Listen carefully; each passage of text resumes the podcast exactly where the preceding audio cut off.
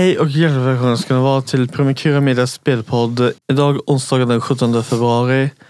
Eh, just idag så kommer det vara lite ett annorlunda program för våran eh, uh, spelpodds eh, uh, uh, uh, tekniker. Jakob är lite har något annat för sig. Så istället så har vi Alexander. Och eh, istället för Robin Hellberg som är min eh, radiospelpoddskollega så har vi istället eh, coachen Josef Lybeck. Och jag, eh, och jag däremot heter eh, Robin Josefsson och jag kommer vara eh, dagens eh, programledare. Och eh, vi välkomnar er till eh, vår lilla eh, eh, spelpoddstund.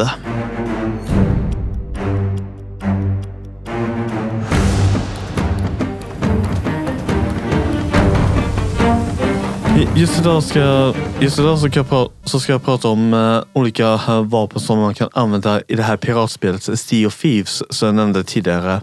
Det finns fyra olika vapen i spelet, varav ett är svärd medan man har tillgång till tre skjutvapen, varav dessa har olika funktioner och egenskaper.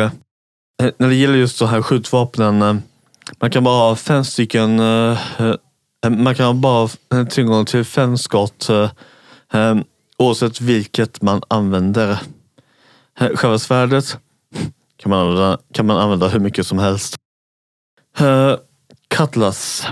Svärd som man använder främst i närstrid kan både parera och blockera närstridsattacker och även göra utfall. När man gör utfall så innebär det att man eh, eh, förbereder sig och gör ett mycket hårdare slag på en motståndare beroende på hur långt avstånd det är. Också, också effektivt om man befinner sig, befinner sig i närheten av, eh, i närheten av en um, insjö eller en, eller en strand.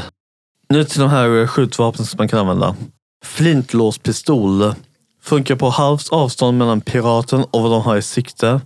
Den har snabbare omlandning än de två andra skjutvapen med undantag för kanonerna som sitter på skeppen. Ger inte så mycket skada men ganska enkel att använda. Blunderbuss. Har samma funktion som dagens hagelgevär. Ger massvis av skador på nära håll men sällan används eh, på avstånd för på grund av deras uh, stora utmynningar eh, när de avfyrar skotten. Så uh, mer effektivt uh, om man är i närheten av någonting. Och sist men inte minst Eye of Reach. Uh, funkar som ett uh, prickskyttegevär på spel som Battlefield eller Call of Duty. Fast enda nackdelen är att eh, glaset reflekterar, re, reflekterar sol, eh, ljus eh, oavsett om det är dag eller natt i, i själva spelet. Eh, vad som innebär att eh, när man siktar efter någonting med just Eye of Reach så får man tänka på vad man har solen eller månen. För det är inte alltid, för det är inte alltid smart att använda solljuset lyser just rätt mot glaset. Samma sak är det med månsken. Så när man befinner sig på haven så är, så det alltid att vara riktigt noggrann.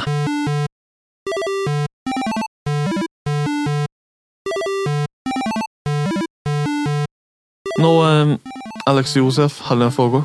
Eh, jag är ju, har aldrig spelat Sea of Thieves. Mm. Skulle du kunna gå över lite vad, vad är det här spelet för genre? Uh, är det ett båtbyggarspel? Man upplever eh, eh, hur det är att eh, eh, befinna sig på havet som en pirat. Visst, det finns skepp som man kan ha som man kan använda. Fast det beror också på hur många man är i en, man är en crew. Vad det är för skepp? Jag sa det i ett tidigare program, fast jag kan berätta snabbt. Mm. Det första var en, en sloop, det vill säga ett slup och den används mer av eh, två stycken eh, pirater. Brigantine, lite större. Man kan säga att den är lite mellan eh, slupen och galjonen. Och den kan ha upp till tre spelare. Och den sista galjonen då, The Very Beast. Man kan säga att det är ungefär som en battleship. Med över åtta kanoner, fyra stycken på styrbord och fyra stycken på barbord sida. Så man får passa sig så man inte ser den, så man inte har den i ögonen. Men är det också så att man inte kan vara en person och spela det här spelet, utan man spelar med... Man kan. Man kan. Men, eh, men det beror också på eh, vad det är man vill göra i själva spelet. För eh, i Sea of Thieves så kan man utgöra uppdrag. Men är det också så då att alla båtarna är andra personer? Eh, nej. Eh, det är personer i sig som har tur med båten. Så när man spelar det här spelet så spelar man med eh, kanske 40 andra spelare? Nej, bara fyra stycken i en grupp. Okej, men är det då att man eh, styr dem på ett skepp då eller? Ja. Så man det- befinner sig alltså på skeppet. eh, Och då har man typ olika roller då på skeppet? Mm. Okej. En, en exempelvis eh, har, har håller till i The Crow's Nest, eh, alltså utkikstornet och eh, tittar efter eh, olika, inte bara fiendespelare, utan inte bara rivalspelare utan också efter öar. Och eh, någon eh, håller kanske till nere i kartrummet. Det är ett stort bord med en massiv karta över hela för spelvärlden. Okej, så man kan möta andra skepp då med andra spelare? Ja. Okej. Det, det finns också ett annat äventyr som kallas för The Hungering Deep. Och då eh, möter man en massiv varelse som bara finns i, eh, som bara finns i sagorna. Nämligen Megalodon. En jättehaj. Så massiv att, det, att man mm, kan behöva eh, minst tre galoner eh, för att eh, ta ner den här bjässen.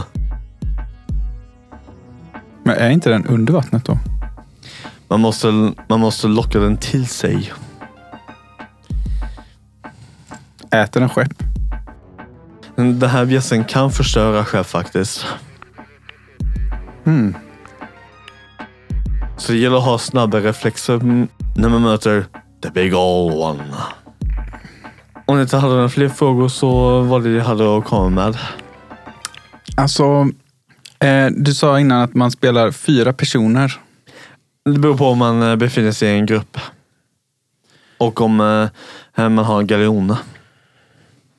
Så i en liten båt kan man bara vara två personer. Två för slupen, eh, tre för brigantin och eh, fyra för galjonen. Måste man köpa en ny båt varje gång man har en ny grupp? Det skapas när man eh, loggar in i själva spelet. Är båten gratis? Ja.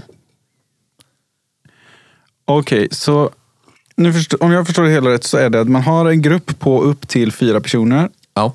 Och det är inte bara, men man kan möta andra spelare eh, när man åker runt på det här havet. Ehm, hur många andra spelare kan man möta samtidigt? Och måste man alltid kriga mot andra grupper? Eh, det kan vara som så att eh, man kan hjälpa en eh, frivilligt beroende på vad det de sysslar, vad det är de sysslar med. Det kan vara att de möter en riktigt svår, en svårt piratskelett. Eller så kan det vara att de letar efter, letar efter en, e-, efter en svår skatt. Det kan också vara att eh, de, de vill ha lite extra eh, att de eh, har lite problem med att bekämpa the big old one. Finns det flera stora hajar? Bara den. Men det finns bara en megalodon. Men man möter flera varianter av just den där. Blir den mer skadad då ju längre tid man spelar mot den? Eh, Det beror också på hur många kanoner som används på samma gång.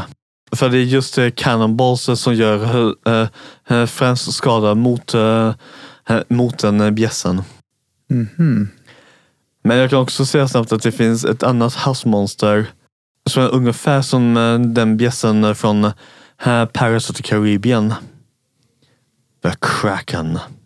Med en jättestor bläckfisk typ. Äter den skepp? Den kan sänka skeppet men inte riktigt försiktig. Så ofta när man spelar sådana här spel och så har man eh, eh, går runt och krigar så finns det ju också ofta något sätt som man gör om man misslyckas så att säga. Alltså om man skulle råka eh, drunkna till exempel. Eller bli uppäten av en haj. Mm. Eller en bläckfisk. Eller eh, bli skjuten av en annan spelare. Eller bli skjuten av en eh, skelett. Eh, skelettpirater. Vad, vad, vad händer om man liksom inte klarar av sina uppdrag? Ja, det där. Jo, eh, med undantag för eh, The Merchant Alliance eh, en- en- en- gör man, eh, gör man ett storslaget uppdrag som eh, The Shores of Gold jag, jag nämnde tidigare. Då får man börja om hela, det vill säga hela resan. Blir man, blev man besegrad av, eh, de eh, som du nämnde innan Josef, eh, då hamnar man på, en, på ett spökskepp. Och den, den drivs utav en utav The Ferrymaster. Master. Och han har, man kan säga att han har en liten roll i, i, det stor, i äventyret Shores of Gold. För då är det han som ska ta hjälp av just eh, s- eh, spelarpiraterna. Så om man skulle drunkna så hamnar man hos en spök... Då blir man en spökpirat. Är det då så att man slåss mot sina kompisar? Liksom? Ehm, om du inte är i grupp så kan man. Men Om man är i samma grupp? Då kan man inte för det är friendly fire.